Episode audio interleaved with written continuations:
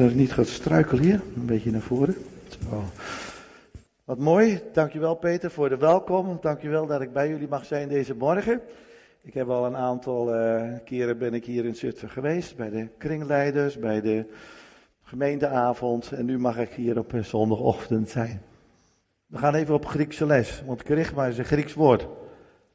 Betekent, wie weet iemand wie, wat het betekent? Het is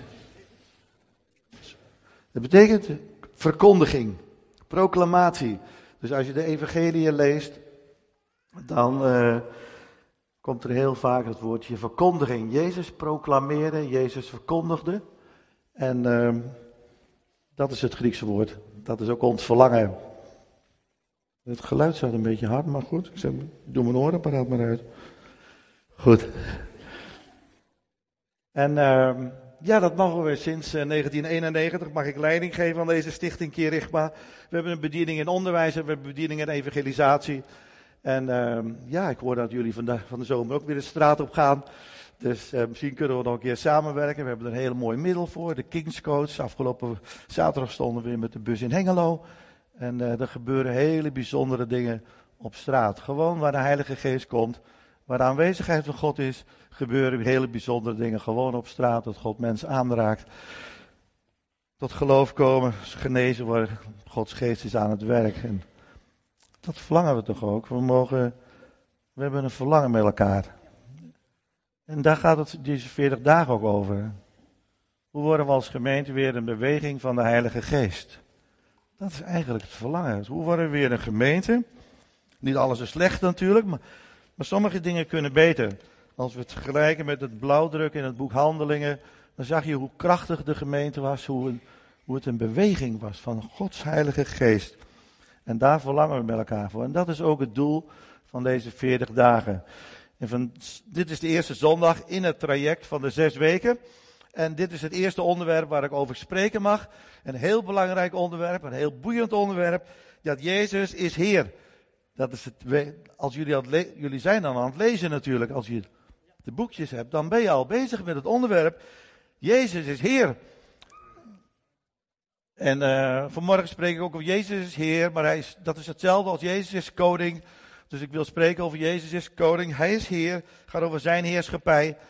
En, uh, en ik wil uh, beginnen met een heel mooie psalm, psalm 24. Ik heb niets, geen tekstgedeeltes of de Bijbel staan. Dus ik hoop dat jullie een Bijbel meegenomen hebben. Psalm 24.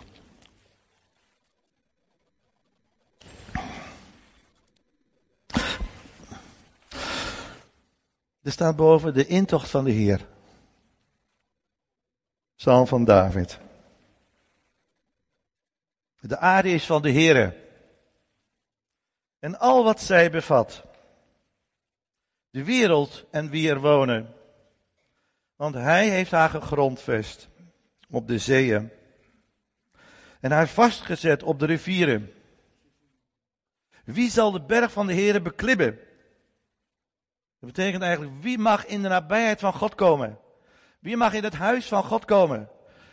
Wie mag in de nabijheid komen van God? Wie zal staan op zijn heilige plaats, in zijn heilige plaats? Wie rein is van handen en zuiver van hart. Wie zijn ziel niet opheft tot wat vals is en niet bedriegelijk zweert. Hij zal zegen ontvangen van de Heer en gerechtigheid van de God van zijn heil.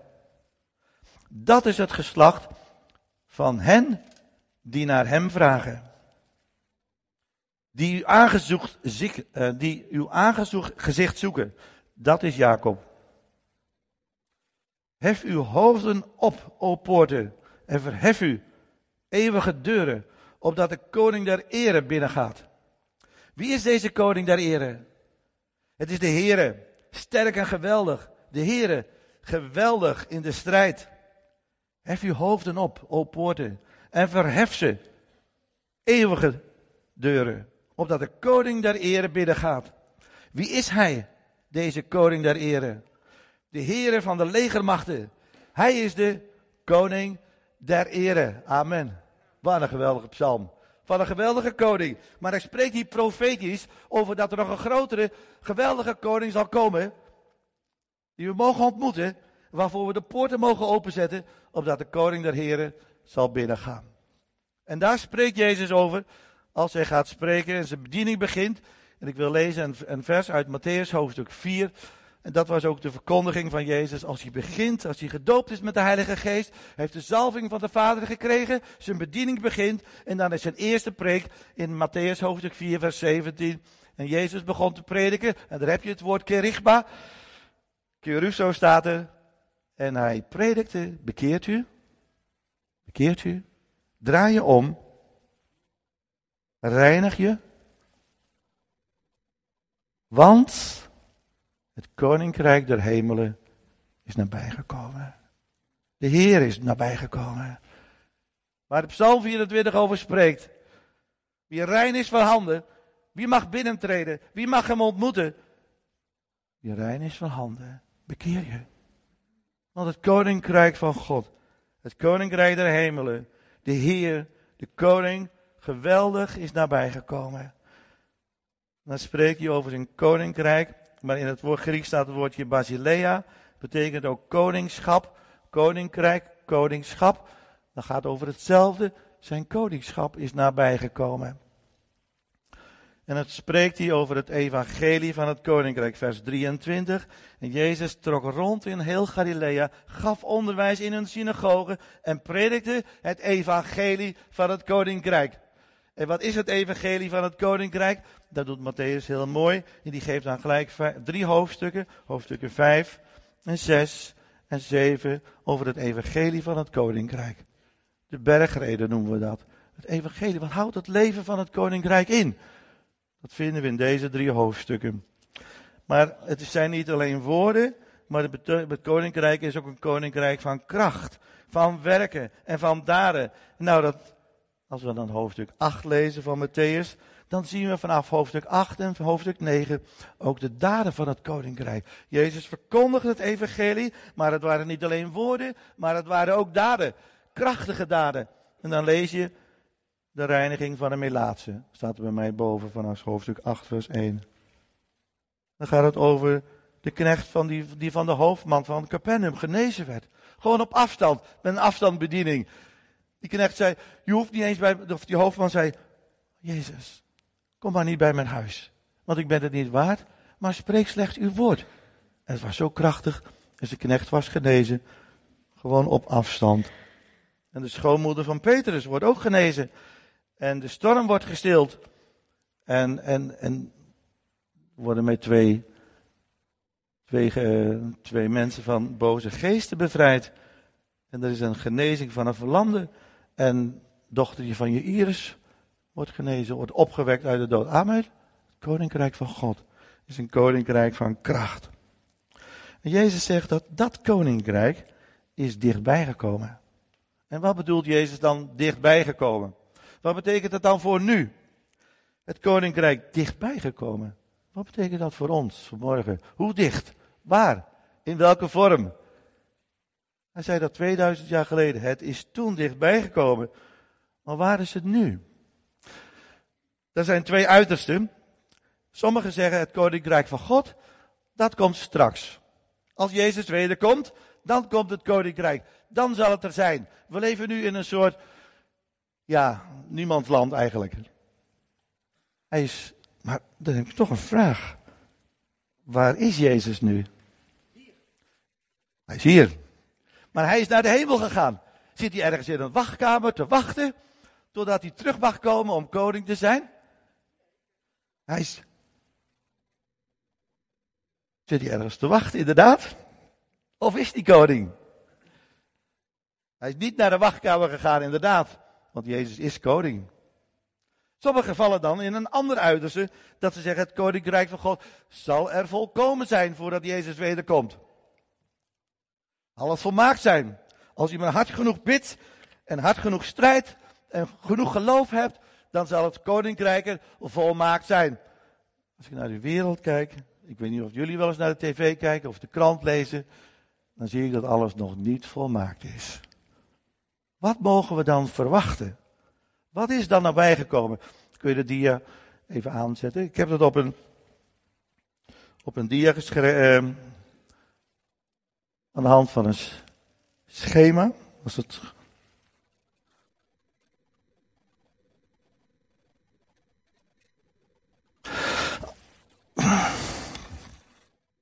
Zie je hem niet?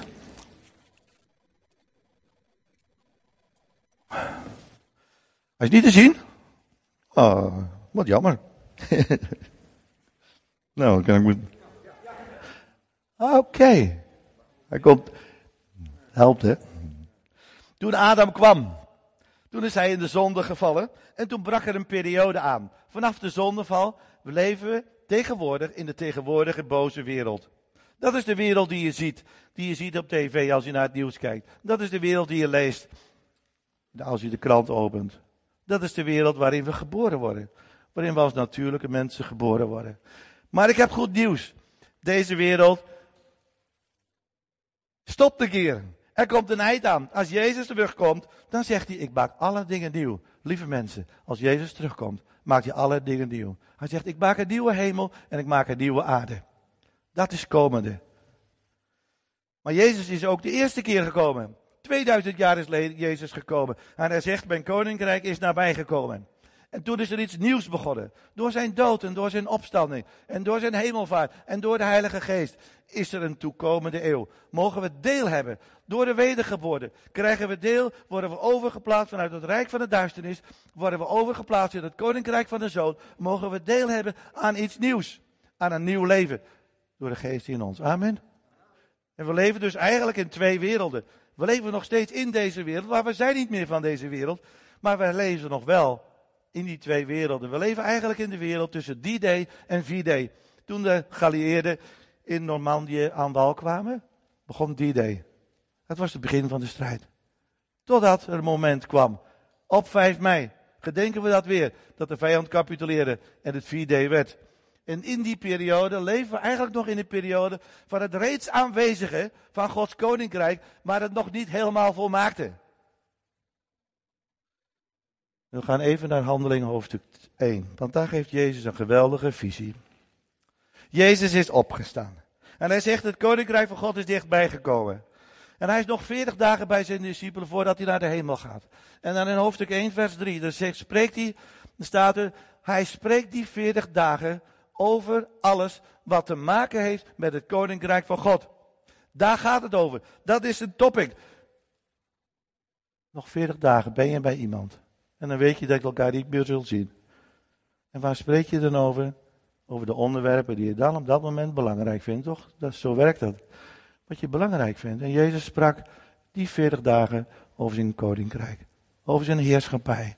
Over zijn koningschap. En dan vragen de discipelen, maar Jezus, wanneer gaat het aankomen? Wanneer gaat het aankomen? Hij zegt, jullie hebben gehoord van een belofte.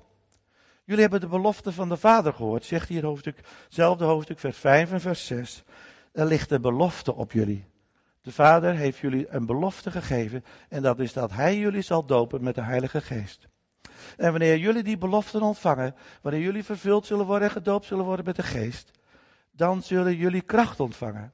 Dan zullen jullie mijn getuigen zijn. En dan zal het koninkrijk van God zichtbaar worden. Dan zullen jullie leven in deze, deze tegenwoordige boze eeuw. Maar er zal iets gebeuren in jullie, zodat het koninkrijk van God in jullie en door jullie in deze boze wereld zichtbaar zal worden. En de toekomende eeuw zichtbaar zal worden. En ze gaan bidden. Ze pakken deze belofte. En in hoofdstuk 1, vers 14 staat dat ze eenparig gaan bidden. En op een gegeven moment gebeurt er iets. De Heilige Geest komt. Er komt een voorschot van het koningschap van Jezus. En ze worden vervuld. En ze gaan bidden. En de Heilige Geest daalt neer. En ze blijven bidden. En elke keer als ze gaan bidden, Heilige Geest, kom. Wij verlangen naar het koningschap. Wij verlangen naar de heerschappij van Jezus. Maar we kunnen dat nooit zelf bewerken. We hebben uw geest nodig. We hebben uw belofte nodig. Dan komt het koningschap van Jezus zichtbaar. En ze bleven bidden. En ze bleven bidden. En elke keer als we gaan bidden opnieuw. Als de kerk gaat bidden. Ook in de afgelopen eeuw hebben we dat gezien. Als de kerk gaat bidden. Dan komt Gods geest. En dan komt Gods koninkrijk. En dan komt de Heer. Dan gaan de poorten open. En dan gaat hij weer binnenkomen. En dan gaat zijn aanwezigheid gaat komen. En wat betekent dat nu voor ons? Want dat is, dat is, wel, dat is wel belangrijk voor ons. Wat... Ik heb daar vier dingetjes onder geschreven. Vorige week, vrijdag, was het Goede Vrijdag. Jammer? Of zijn we het alweer vergeten? En we leven weer in de gedenkdagen. Goede Vrijdag, Pasen, Hemelvaart. Komt straks, Pinksteren, tien dagen later. Zijn van die gedenkdagen. En dat is het gevaar dat we denken, nou, we hebben weer de gedenkdagen. En dan gaan we weer over tot de orde van de dag. Maar het koningschap en de heerschappij van Jezus en het werk van de Heilige Geest kan niet gestalte krijgen in ons als het kruis alleen maar een gedenkdag, als Goede Vrijdag alleen maar een gedenkdag is. Het is iets wat je ook niet alleen moet gedenken, maar moet beleven met elkaar. En wat je persoonlijk moet beleven. Dat zeggen, nou Heer Jezus, dank u wel dat u voor mijn zonde gestorven bent. Wie gelooft dat? Hm? Dat geloven we. Maar wie gelooft dat je zegt, Jezus, ik ben met u gestorven. Ik ben met u gestorven. Ik leef niet meer. En dat maakt het kruis tot een levende realiteit. Dat je niet alleen 2000 jaar geleden is met Jezus voor mijn zonde gestorven. Fantastisch. Maar de levende realiteit voor nu is dat wij met hem gestorven zijn. Ik leef niet meer. Maar Christus leeft in mij. Want hij is opgestaan. Zodat de opstanding, zodat de opstanding een levende realiteit wordt. We zijn een nieuw volk van God. We zijn het volk van God. We zijn niet het koninkrijk, maar we zijn wel het volk van de koning, wat hij verwekt heeft door de Heilige Geest. Waardoor zijn koningschap zichtbaar mag worden. Het kruis. Wie mag de berg van God beklimmen? Wie mag de berg des Heren beklimmen? Wie mag in zijn nabijheid komen? Wie rein is en zuiver van hart, toch? Kunnen we dat zelf bewerken? Onze eigen reinheid, onze eigen rechten. Daar hebben we het kruis voor nodig. Zodat we een nieuw volk zijn. Maar ook daarna, Heer Jezus, u bent verheerlijkt. U zit op de troon. U bent naar de hemel gegaan. U bent naar de hemel gegaan. En u hebt van de Vader de Heilige Geest gekregen. En u wilt het opnieuw uitstorten. Dat we weer gaan bidden. Heilige Geest, kom. Dat het koninkrijk zichtbaar gaat worden. Elke dag. En we mogen ook bidden om het koninkrijk. Op een gegeven moment, dat staat in Lucas hoofdstuk 11, vragen de discipelen als ze Jezus weer zien bidden. Jezus, wat bidt u toch veel? En elke keer als u bidt, dan gebeuren er ongelofelijke dingen. Dan zien we de daden van het koninkrijk. Leer ons bidden. Leer ons bidden, vragen ze aan Jezus. Lucas 11, vers 1. En dan gaat Jezus ze leren bidden. Dan, dan gaat hij niet laten zien hoe dat ze moeten bidden. In welke vorm ze moeten bidden, maakt niet uit. En hoe lang ze moeten bidden. Of, uh, nee, hij gaat laten zien waarvoor ze moeten bidden. En wat, wat zegt hij dan? Als je dan gaat bidden, ga dan bidden als volgt. Begint hij allereerst onze vader. Vind ik zo mooi, onze vader. Dat betekent onze vader. Onze vader. Als je als kring zo bij elkaar komt op de woensdagavonden deze weken,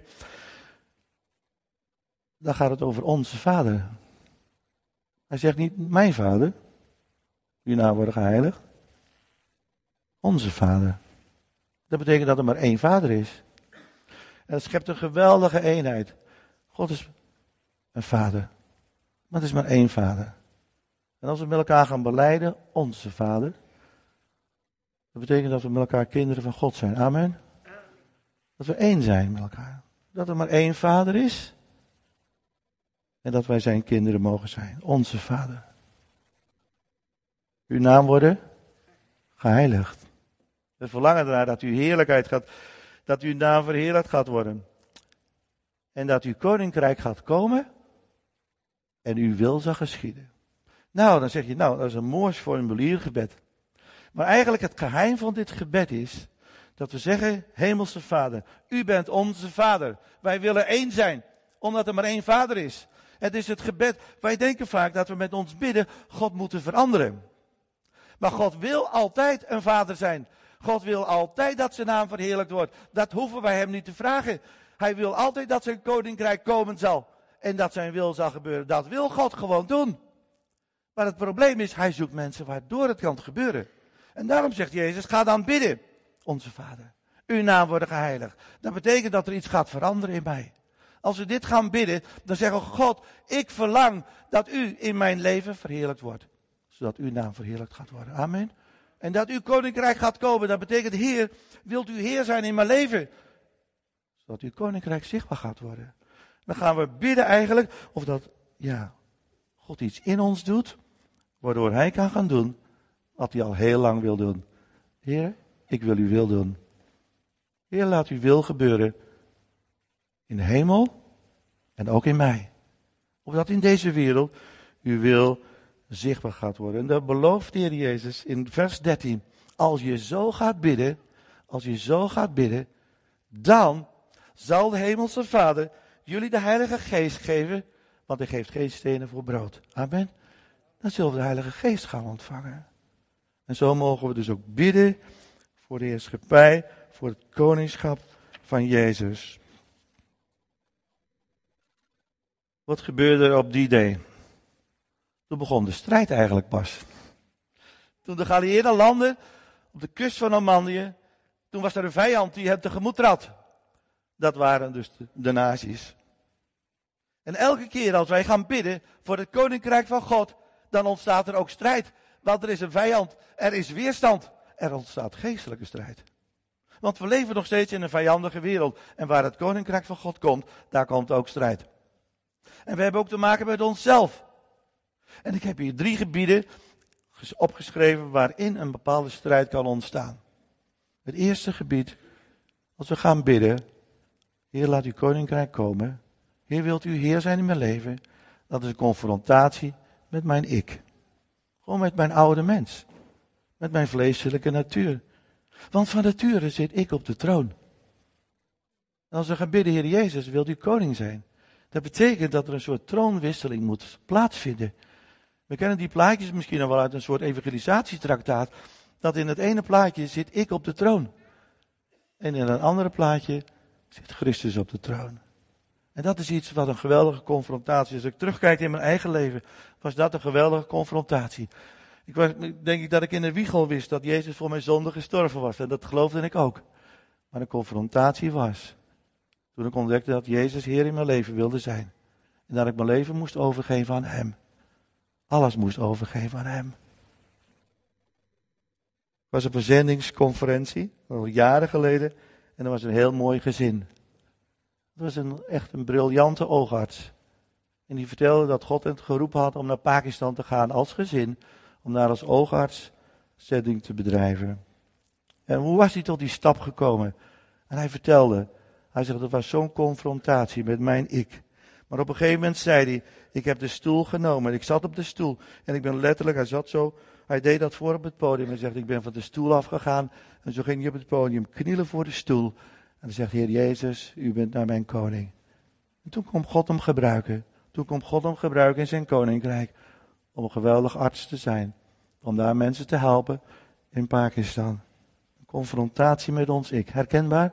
een confrontatie met ons ik. De tweede confrontatie is met mijn religieuze traditie. Of met mijn religieuze vorm, met mijn religieuze houding. Van nature zijn we ergens toch allemaal een beetje religieus. En willen we onze eigen gerechtigheid toch op een bepaalde manier verdienen. We willen vaak zo goed doen. We willen vaak dingen voor God doen. En onze helpende handjes. Of onze vormen, hoe dat we de dingen gewend zijn. Jezus had de grootste problemen als hij verkondigde het evangelie van het koninkrijk met de religieuze mens. Paulus had de grootste problemen met de religieuze mens. De religieuze mens. De mens die vastzit aan tradities en aan vormen. Er was een keer een in, uh, ik hoorde een predikant zeggen. Die uh, had het verlangen gekregen om over de Heilige Geest te preken in zijn kerk. En na een paar preken zei de kerkenraad hoe die terugkwamen. Terugkwamen weer in de consistoriekamer naar de dienst. Toen zei de dominee, stop alsjeblieft met dat preken over de Heilige Geest. We worden er zo onrustig van, we worden er angstig van. Het is zo bedreigend. En dat is iets wat gebeurt. Er is iets wat ons rustig kan maken. Maar Paulus zegt, waar de geest van de Heer komt, daar komt vrijheid juist. En als wij van de stoel afgaan, of we geven het stuur van onze auto, of de sleuteltjes van onze auto, geven we uit handen en we geven ze aan Koning Jezus, komt er geweldige vrijheid in ons leven. En de derde confrontatie, de, geweldige, de derde weerstand waar, ja, die, die we tegen zullen komen, dat zijn, is, de, is de strijd met onze cultuurgoden. Onze westerse cultuurgoden noem ik ze maar. En wat zijn de westerse cultuurgoden? Wat zijn de kenmerken van onze westerse cultuur? Dat is toch ons bezit, dat is onze welvaart, dat is onze rijkdom. Dat is iets, ons huisje, boompje. En waar we ons zo geweldig bezorgd over kunnen maken. Waar we geweldig bezorgd over kunnen zijn. Maar Jezus zegt, je kunt geen twee heren dienen. Je kunt God niet dienen, je kunt niet de Heer zijn. Jezus kan niet de Heer zijn als je nog vastzit aan de mammon. Gaat niet, onmogelijk. Confrontatie met onze cultuur. En wat maakt ons angstig? Jezus zegt, wees niet bezorgd. Wees maar niet bezorgd. Wees niet bezorgd. Zoek eerst het koningschap. Zoek eerst mijn koninkrijk. Laat dat eerst zijn. En ik zal je alle dingen geven. Maar is dat een confrontatie met onze westerse cultuur? Dat is een geweldige confrontatie. En het andere kenmerk van onze westerse cultuur is onze autonome cultuur. We zijn een autonome cultuur. Dat betekent, dat is ook weer Grieks. Auto's is zelf, norm, nomos, is wet of norm. Onze eigen wetten en onze eigen gemaakte normen die tegen het woord van God ingaan. Maar als we weer gaan bidden voor de Heilige Geest, komt er een confrontatie met de normen van Gods norm met de norm van onze mensheid in onze westerse maatschappij. Soms schrik ik ervan hoe dat de normen veranderen. En wat wij toelaten in ons land. Wat wij op dit moment normaal vinden. Op het gebied van e gewoon de ethische normen. Of wat dan ook. Eigen normen. Dan komt er conflict. Conflict. Dan komt er strijd. Waar de Heer komt. Maar waar de Heer komt, moet de mens buigen. Daar moet de mens buigen. Waar God komt, daar moet de mens buigen. In elke opwekking hebben we dat gezien. Dan roept de mens, oh God, wees mijn zondaar genadig. Waar God komt, dan moet de mens buigen. Zo het Paulus werd geconfronteerd toen hij op weg was. In zijn religieuze ijver inderdaad kwam er die confrontatie met de koning. En hij viel op de grond. En hij zegt, Heere, wie bent u? Heere, wie bent u? Ik ben Jezus. Heere, wat wilt u dat ik doen zal? Amen. Een confrontatie. En in die confrontatie krijgt hij een geweldige ontmoeting met de Heer. En is hij open om de Heer te, te gaan dienen. Wie verlangt er dat we weer een beweging mogen zijn van de Heilige Geest? Dat verlangen we. Ja. Dat is ons verlangen. Maar het begint bij het eerste DNA-kenmerk. Daar begint het bij. Jezus Wilt u Heer zijn in mijn leven? Wilt u Heer zijn in de gemeente? En zo hadden de discipelen hadden die draad, die, dat, dat, die visie opgepakt. Jezus zegt, ik wil Heer zijn. En je zult de Heilige Geest ontvangen.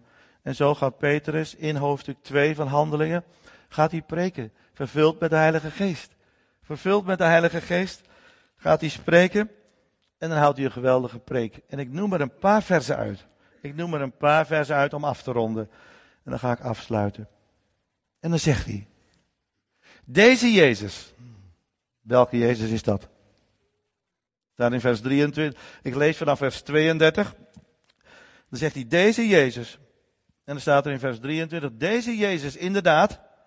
Deze Jezus, zegt Petrus. Heeft God op, doen opstaan.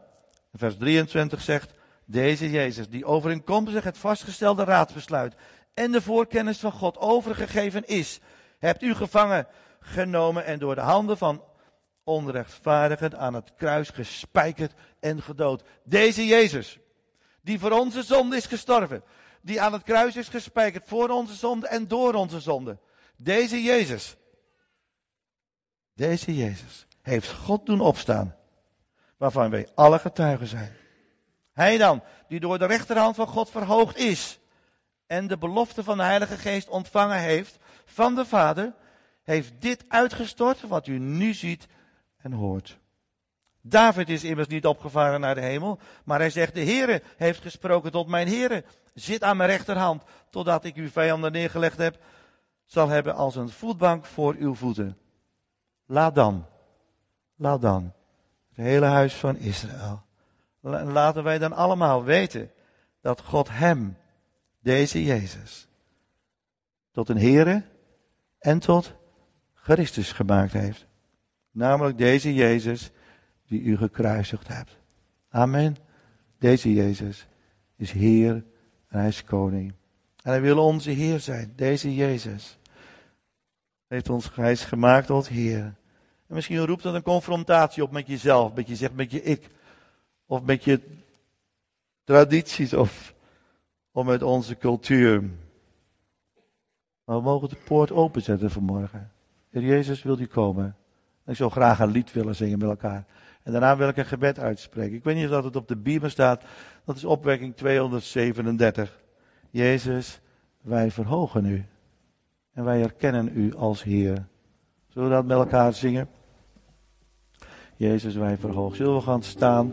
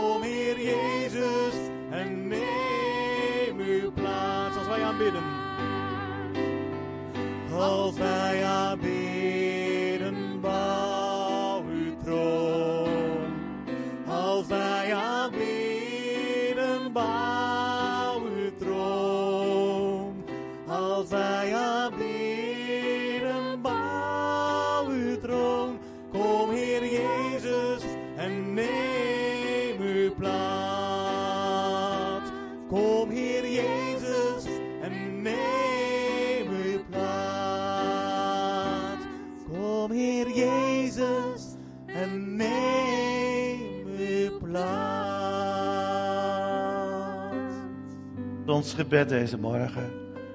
Wij verhogen u, Heer Jezus. Wij verlangen naar u, o God. Heer, verlangen naar uw aanwezigheid. Heer, verlangen zo naar uw glorie. En we beseffen heel diep, o God, dat niemand tot u kan naderen. Dan bid ik voor de kracht van het bloed van Jezus. In de naam van Jezus. Heer Jezus, u bent gekruisigd en voor ons en door onze zonden. Maar dank u wel dat u gekomen bent naar deze wereld.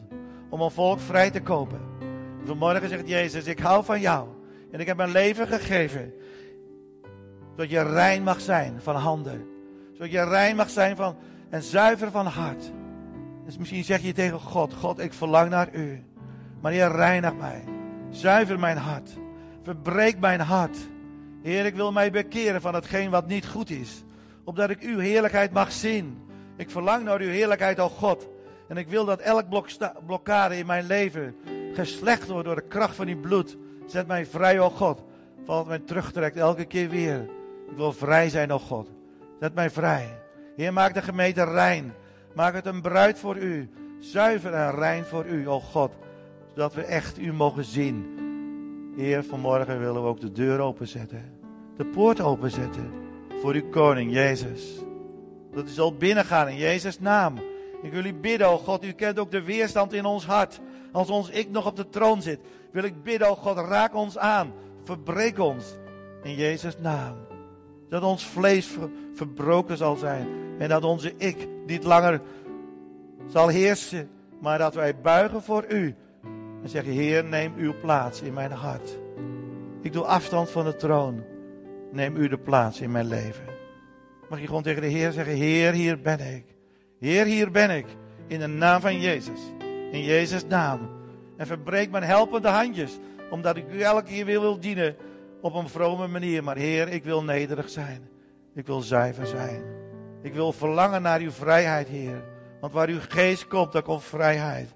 In Jezus' naam. En zet mij vrij. Zet mij vrij van de wereldse, westerse cultuurgoden. In Jezus' naam. Zodat u weer gezien gaat worden. Kom, Heilige Geest van God. De belofte van de Vader richt op ons. En hij zegt, ik wil jullie vervullen met mijn Heilige Geest. Zodat de koning zichtbaar gaat worden. En het koninkrijk van God zal baanbreken. In Jezus' naam. Oeshakap, in Jezus' naam. Wij met uw geest, o God. Wij met uw geest. Wij met uw geest. Kom, Heilige Geest van God. Jezus' naam. Jezus, wij verhogen u. Wij erkennen u als Heer. U bent in ons midden, Heer Jezus. Kom, Heilige Geest van God. Kom, Heilige Geest van God. u, Jezus. Jezus naam. Heer, verlangen naar u. Heer, we willen niet alleen gedenken de dagen van wat u voor ons gedaan hebt. Maar we willen ook de dagen weer opnieuw gaan beleven. De dagen als van ouds. Zodat we met elkaar in beweging mogen zijn van u. In Jezus' naam. Verbreek elke. Heer, er zijn nog deuren op slot. Er zitten nog poortjes op slot. Maar Heer, verbreek de grendel in de naam van Jezus. Verbreek elke grendel, Heer. In Jezus' naam. En zet ons vrij van de dingen die ons terugtrekken, blokkeren in Jezus' naam. Misschien denk je angstig bent voor de strijd. Maar Jezus zegt, geef het maar over. Ik ben overwinnaar. En in mij ben je meer dan overwinnaar. Wees niet angstig voor wat komen gaat. Want mijn heerlijkheid ligt voor je. En ik wil je nu geven het voorschot van de geweldige erfenis. Stel je open voor de Heilige Geest. Omdat mijn koningschap zichtbaar gaat worden. En de wereld, en de wereld zal zien dat ik Heer ben. En dat elke knie zich zal buigen, ook hier in deze omgeving. Dat Jezus Heer is en verheerlijkt is dan door de Vader.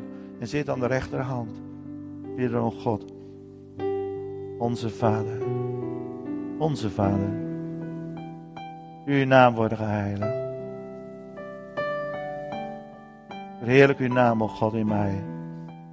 Uw koninkrijk komen in mij. En uw wil geschieden in de hemel en ook in mij. Hier ben ik, o God. Amen. Amen. Amen. Amen.